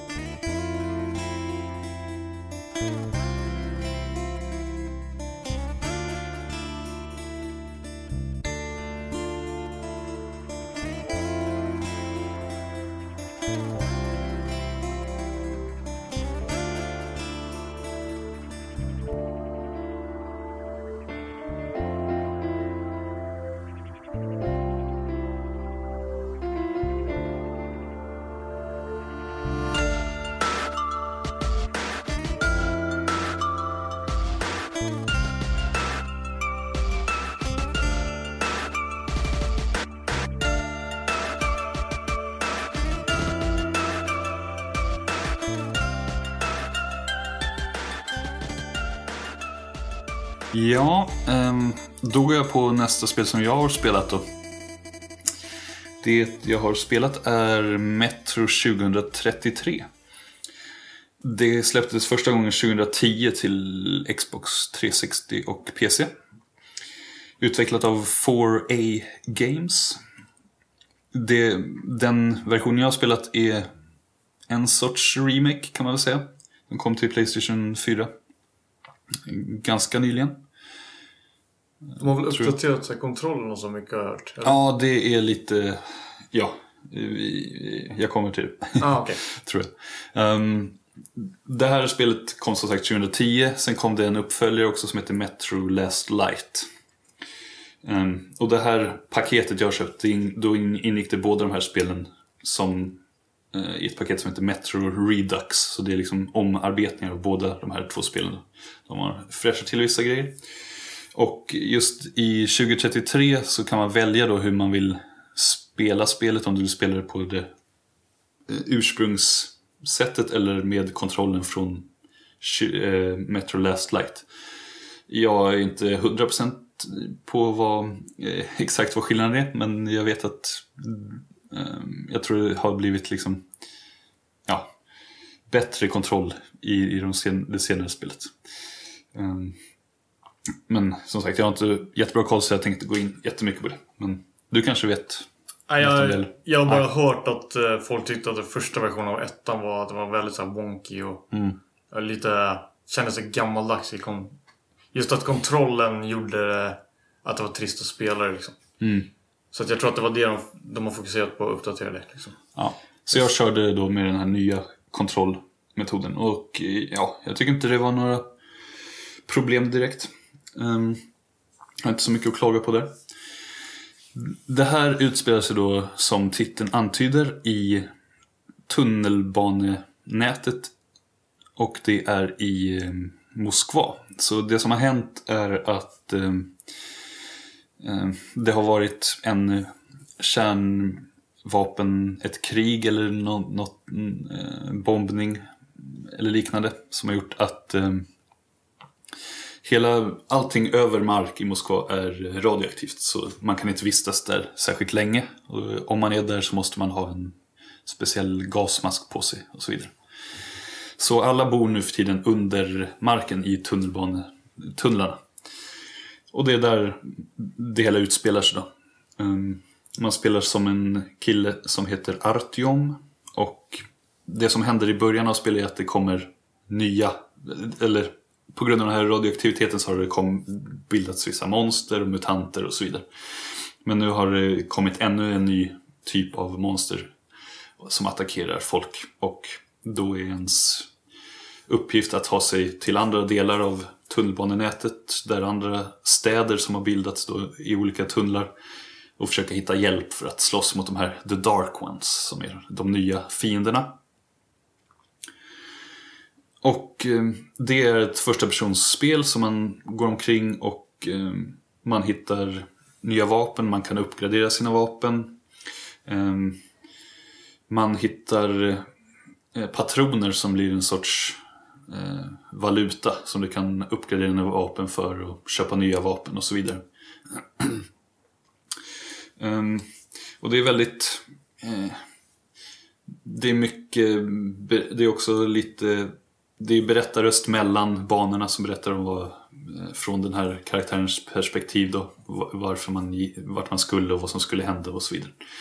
Och sen åker man... Man får åka lite på sån här räls... Eh, vad säger man? Rälsbuss på, på eh, spåren i tunnelbanan och man får man går omkring i städerna då som man kommer till och kan prata med vissa människor och, um, ja, och insupa den stämningen som finns i de här lägren som har bildats.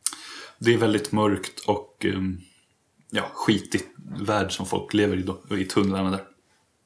Men det, man får en känsla för den stämningen som råder och ja, det, känns verkligen...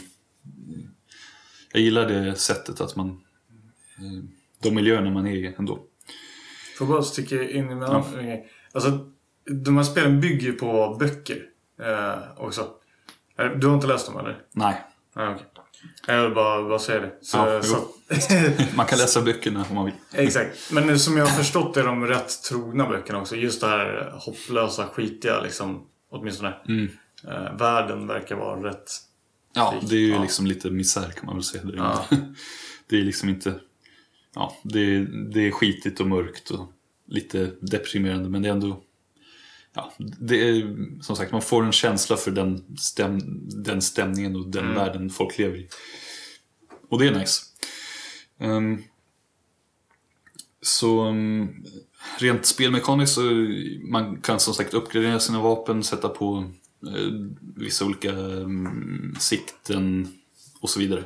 Det är inte jätteavancerad uppgraderingsmekanik tycker jag. Och eh, jag kom också till en punkt då där jag i princip hade uppgraderat alla mina vapen jag hade så mycket som jag kunde. Så det fanns liksom inte, eller i alla fall med de nyttiga uppgraderingarna som fanns.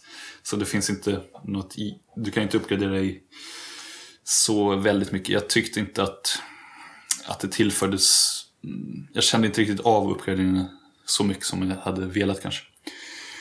Um, det, själva fienden man stöter på är oftast någon sorts monster som är ganska, ja, ser lite i, de är väl inga jättespeciella, det är liksom halvroliga monster som kommer springande och klättrar på väggar och så vidare. Det är ju ganska mycket liknande fiender genom hela spelet. Och de eh, striderna är inte alltid, jag tycker inte de är så roliga heller. Det, det kan bli lite enformigt efter ett tag när det kommer horder med de här monstren som man bara ska, som ska skjuta ner på ett visst ställe och sen fortsätter spelet liksom. Um, så, ja. Själva striderna med dem är väl inte så jätteroliga. Men det kommer också, i de här tunnorna så lever både det finns liksom olika läger, det finns nazistlägret och det finns liksom typ kommunisterna och, och så vidare. Så det, du kommer få, man får slåss mot mänskliga fiender också. Och då är det lite, jag tyckte den biten var roligare för då kan man också välja om man vill smyga fram, du kan skjuta sönder lampor och ja, sån stealth-mekanik som jag tycker är ganska kul i spel. Lite som den där Wolfenstein remix. Ja, exakt. Så det är väldigt, det påminner ju om, eller de är ju ganska, jag kände igen mig från de spelen då, när jag spelade det här. Um, så lite enformiga strider. Ibland är det också så här att det spånar fiender tills det har gått till en viss punkt. Så det, jag kom till ett ställe och då stod jag där, okej okay, nu skjuter jag alla fiender. Och så bara fortsätter det fortsätter det komma. Men då ska man springa iväg långt bort och göra något på en annan plats liksom, för att det ska sluta hända. Och det var lite oklart tyckte jag vad det var man skulle göra där. Så lite sådana grejer i sån här oändlig spåning av fiender känns, det är inte så jättekul. um, men som sagt, annars det är en kul, ganska intressant berättelse. Um, och du får också spela lite ovanför marken, lite, en del olika miljöer där uppe också. Um, Hur berättas historien? um, ja, det är ju mm, liksom mellan när du är på väg till en ny plats och laddningsskärmen så berättas det, ja nu skulle jag göra det här och jag fick hjälp av och så vidare. Så där. Och sen är det ju också att man följer, man träffar karaktärer som man får följa med och i, i, liksom gå efter. Och, och. Pratar de medan man går sådär då eller? eller Ja, jo. det Om, om man väljer att... Nej, du, du får inte... Du har liksom inga alternativ och svarsalternativ och sådär. Men eh, de pratar ju medan man går och när man kommer till vissa karaktärer så kan du ju klicka på dem så att de börjar prata och så. Mm. Så om man vill kan man ju lyssna på allt sånt och ja. Man har liksom kontakt med andra. Eh, vissa delar då är det liksom med en grupp av andra människor också som är med en, så liksom, som hjälper till att föra storyn framåt. Man strider med andra också tillsammans och så vidare. Så det är en ganska bra variation på miljöerna. Det är inte bara i tunnlarna utan du kommer till olika station, andra stationer och ovanför mark och sådär. Vissa ställen var det också som sagt lite svårt att hitta, speciellt när man är utomhus och liksom, jaha, vart exakt ska jag ta vägen nu? Kan jag hoppa hit eller kan jag... Mm. Ja, lite sådana bitar som jag hade lite problem med. Men på det stora hela tyckte jag att eh, det är värt att spela. Det var... Det är stämningsfullt, kan jag väl sammanfatta det som. Och, eh, som sagt, striderna är inte jätteroliga men det är en kul story som berättas. Man, man ser inte så ofta just den här typen av berättande. Tycker jag. Um, så jag kan rekommendera det om man är sugen på ett första persons spel med lite story och som... eh, Dåliga Lite- strider. Alltså, ja. ja, men med ja, lite, var, lite sådär dystopisk värld. Ehm, och som sagt, eh, uppföljaren har jag inte spelat än, men ska ge mig i kast med det sen.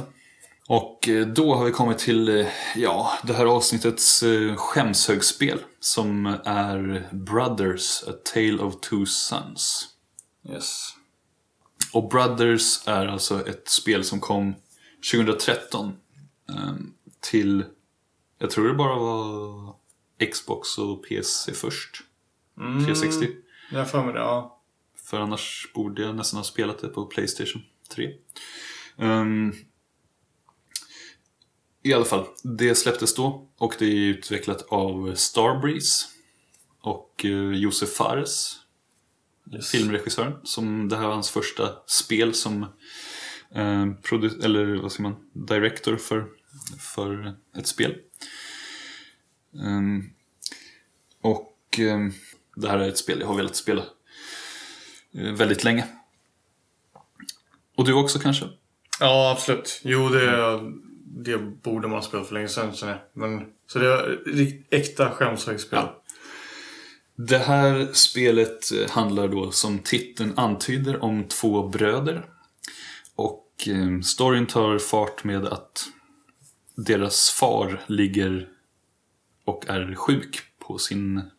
Han får eh, hjälp av någon doktor som ser över hans tillstånd. Och det framgår då att han behöver en särskild medicin. Eller en växt. Eller ja, det, han behöver det är oklart vad Ja, det är lite oklart exakt vad det är. För det finns ingen... Det är inget språk som man förstår i det här spelet. Utan det är liksom någon, lite nonsensspråk kan man säga. Men det framgår att han behöver något, en medicin eller ett botemedel snabbt. Annars kommer han att dö. Så man spelar då hans två söner. Ehm, och det som är... Det finns mycket bra med det här spelet. Det som är unikt, som man ser vid första anblick, är väl just att man styr båda de här bröderna samtidigt. Så du styr den lilla brodern med din eh, högra analoga styrspak och den äldre brodern med din vänstra analoga styrspak. Så det här är ju ganska förvirrande i början. Så är det lite klurigt just med ja, att att styra båda två eh, samtidigt. Men jag tycker ändå att man lär sig ganska fort att eh, det är ju- och, eh, finns ju en del eh, det är inte jättemånga moment där man måste vara väldigt skillad med kontrollen alltså, samtidigt så det brukar inte Det är vara ett så ganska långsamt spel. Ja. Ja. Det hade varit svårare om det hade varit ett high-paced Ja, liksom, ett plattformsspel. Då hade det varit jobbigare. Jo. Så det, det funkar faktiskt eh, väldigt bra. Ehm, det utspelar sig då i en väldigt så här, man säga, fantasy-akt, eller ja, lite, lite så här Det så eh, en nordisk, eh, mytologi-ish. ja, lite åt det hållet, sagoboks, Ja. man tänker så här, svenska sagoböcker, lite sån miljö, väldigt så här prunkande eh, ja, miljö, alltså väldigt klara färger och liksom väldigt här, vackra miljöer. Ehm, ja, med skog och eh, sjöar och floder och små bäckar och sånt här. berg. Ja, exakt. Ehm, så när man väl har lärt sig den kontrollen och styra båda gubbarna, eller båda bröderna, då, så, så funkar det väldigt bra. Och man kan interagera med folk och man, ser, man förstår inte vad de säger men det framkom, framgår oftast genom deras kroppsspråk och hur de låter, vad det är man ska göra för någonting. Ehm, så och de här bröderna måste då hjälpas, till, hjälpas åt ibland. Så till exempel, det får man också se precis i början av spelet. Så ser man att den lilla brodern är med när deras mor drunknar. Och efter det så är han väldigt rädd för att eh, simma och vatten överhuvudtaget. Så bland det första man får, när man får lära sig att samarbeta med de här bröderna är då att man kommer till ett vattendrag där man måste simma och då eh, försöker man gå i med båda två men då säger den lilla bror nej jag, jag vill inte gå i men då säger den stora bror nej men jag hjälper dig och då får man liksom ja, styra båda två och låta den ena brodern ta hand om den andra på ryggen och, och simma över och så vidare. Så man måste liksom typ skjucka upp Ja. den ena än den andra och sen styra den andra i princip. Ja. Och just de här grejerna, att man måste hjälpas åt för att ta sig upp, liksom lösa vissa pussel och sådär. Det är inte så jättesvåra pussel oftast, men det är ändå, tycker jag ändå tillfredsställande just att när man får det att funka. Och eftersom man styr båda gubbarna samtidigt så blir det också lite annorlunda. Men du får också ett... Det hjälper till att liksom knyta ett band mellan de här brorsorna också. Att, liksom, att de, de hjälper varandra. Lite sådär samarbete och, och, och den biten. Även fast man inte förstår vad de säger så känner man ändå att det finns något, ett band där. Um, så, ja. Vad var det första du tyckte med det här spelet som du liksom la märke till att säga, ja det här var lite häftigt eller något du tyckte var bra? Ehm, um, nej, jag tyckte bara första intrycket var väldigt bra. Alltså det är ju så här mysigt och, och allt sånt där. Men jag kan väl säga att det, det första jag tänkte på eftersom det som var liksom spelets selling point eller någonting vad man ska kalla för. Var ju det här med att man styrde båda. Och, och, jag, och jag tycker generellt att det funkade bra. Men jag kom liksom aldrig riktigt ifrån känslan att det hade eh, nästan varit roligare att spela det här i co-op. Med varsin handkontroll och styrt en av dem liksom.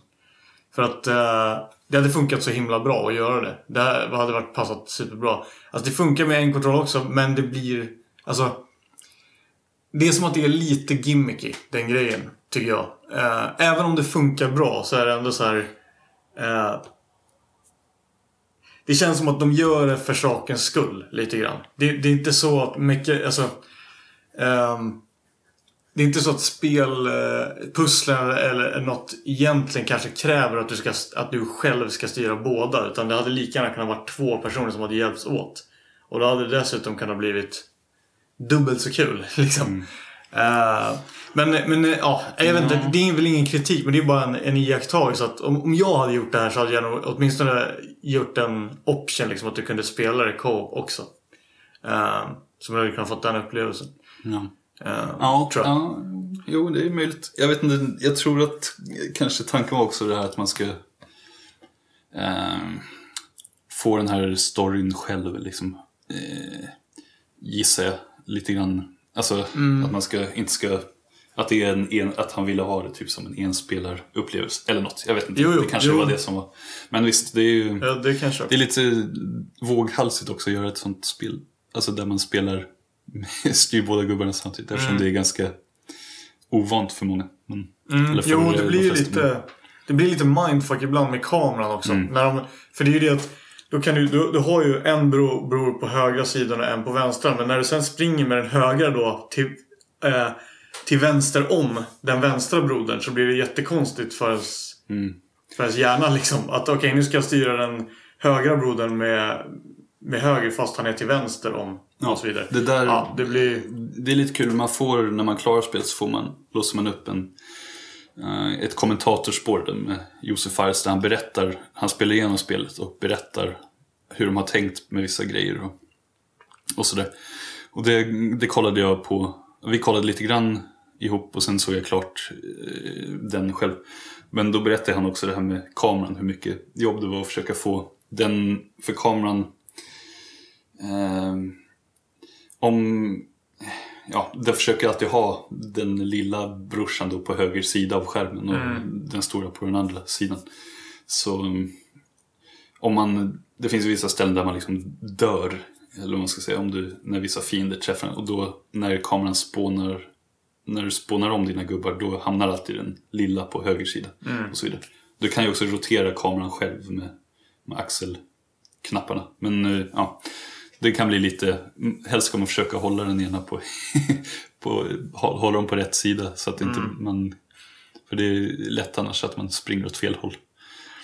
Ehm, men det jag tyckte, det som inte riktigt framgår av de bilderna jag sett på det här och jag bara kollat lite grann tror jag, gameplay eller sådär.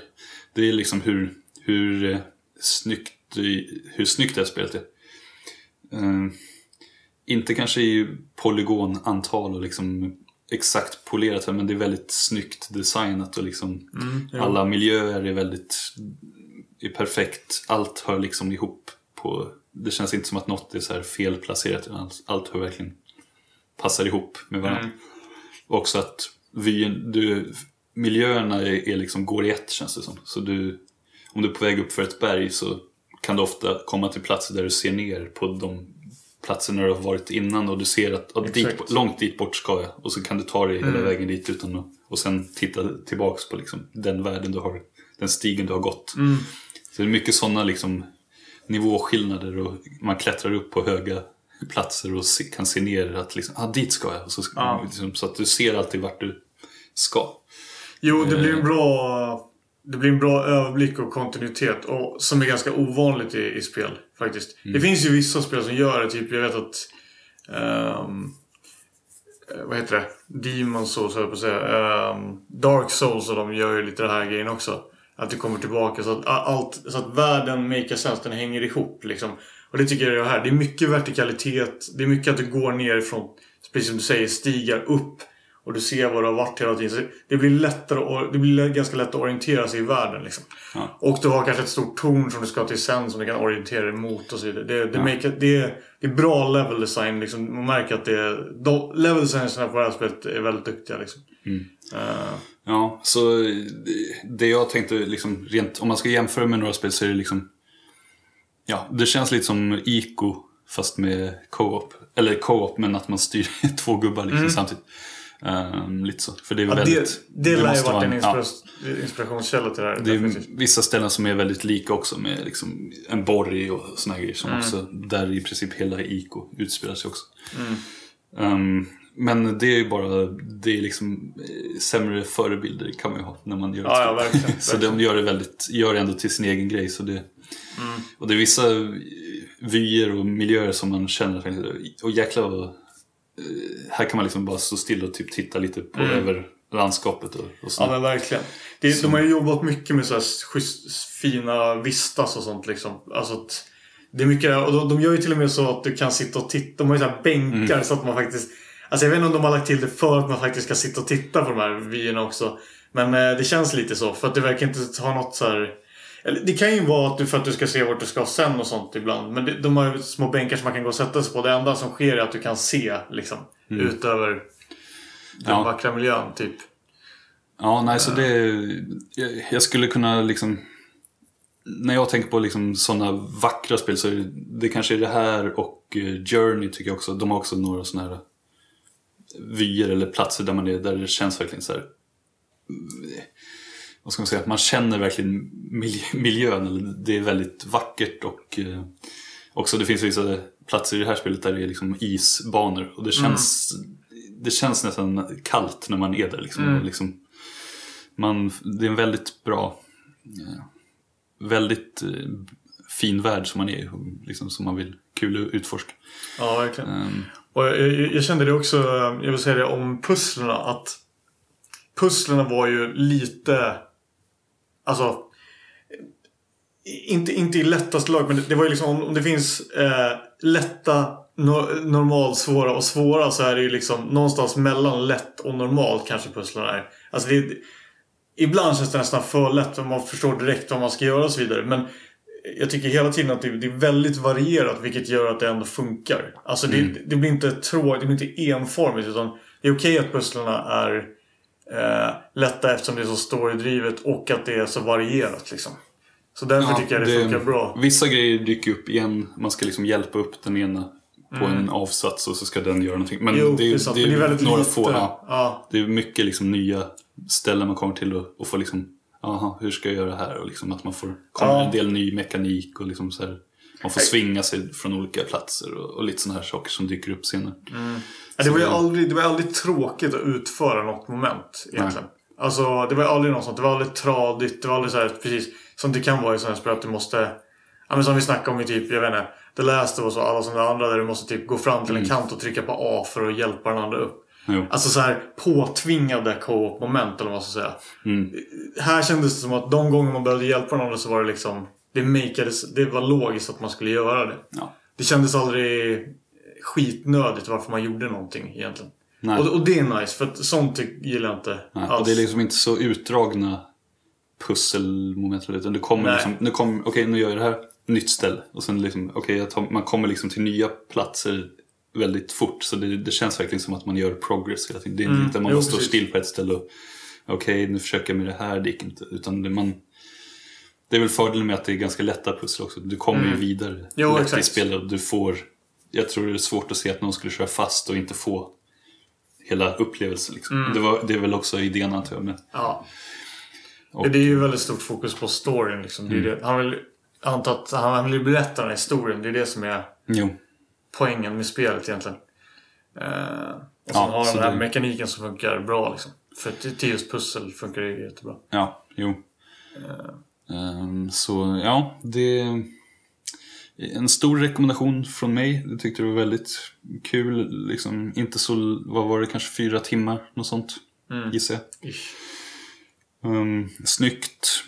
Eh, man får en känsla för de här karaktärerna och det finns så små, små grejer. Liksom, man kan interagera med andra karaktärer i spelet. Det finns något ställe där man spela, kan spela basket, lite mer, kasta en boll liksom, och lite såna grejer. Och, du kan, och de beter sig också lite olika bröderna beroende på vem du gör grejer med. Så den äldre brodern är liksom lite mer eh, ja, mogen i sitt sätt kanske, eller vad man ska säga, vuxen. Och den andra brodern är lite mer så här, leker och lite så här. Så beroende på vem man interagerar med så gör de, beter de sig olika. Liksom. Ja, det, det- det, var ju det schysst, kul. schysst Ja. detalj. Liksom. Och det berättar han också i den här kommentatorspåret att det finns just den karaktärsutvecklingen från för bröderna, liksom hur de genom spelets gång och hur de utvecklas och lite sådär. Och också att det finns så här, trophies man kan få om du gör vissa så här, sidouppdrag. Att du kan, du kan välja att göra eh, man stöter på vissa karaktärer som man kan hjälpa och så vidare.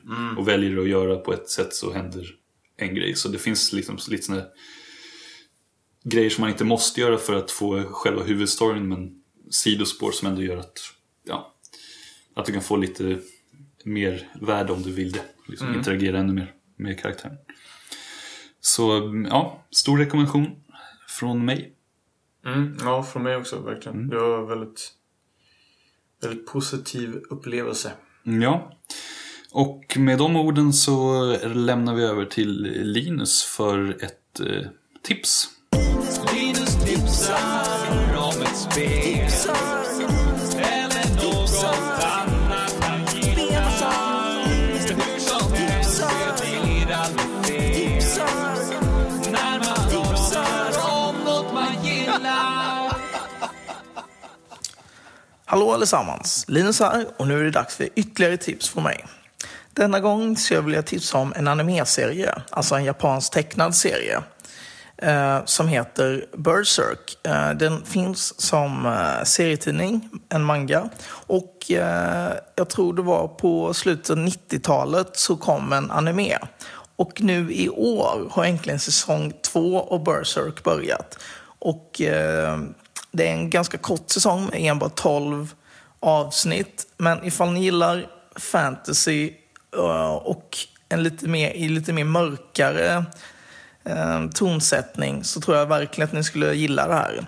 Det är ganska våldsamt och så, men eh, det är bara mycket mer än våld. Det är en fantastisk historia och en häftig värld. Så jag rekommenderar Berserk säsong 2 som har precis börjat sändas. Jag tror det har kommit ut nio avsnitt hittills. Så Berserk säsong 2. Ha det gött! Ja, då tackar vi Linus så mycket för det tipset. Ehm, det var allting vi hade för den här gången. Och ehm, jag vill gärna passa på att säga att ni gärna får mejla oss på insnådpodcast.gmail.com Och eh, om ni har några synpunkter på det vi gör eller tips på spel vi kan spela. Och det är precis vad ehm, Erik har gjort. Han har skickat tips på Um, han vill gärna att vi spelar um, Castlevania eh, Harmony of Dissonance som är ett Game Boy Advance-spel. Och han har också tipsat om uh, Quack, Quack, Quackshot. Quackshot. Quackshot, Quackshot. ja. Ja. det är ett kalanka spelet som kom till Mega Drive och eh, kanske, det kanske bara var Mega Drive. Ja, jag tror det. Det tror jag har faktiskt. Okej, ja. Så det, det, mm, tackar så mycket för de tipsen.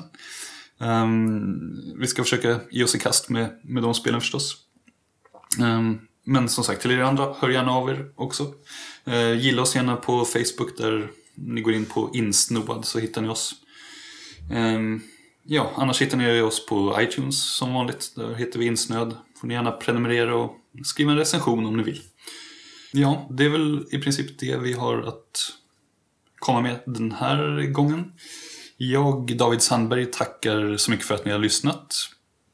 Och eh, jag, Nor, Nor tackar också så jättemycket. Ja, kanon. Då säger vi tack och på återseende. Hej då! Hej då!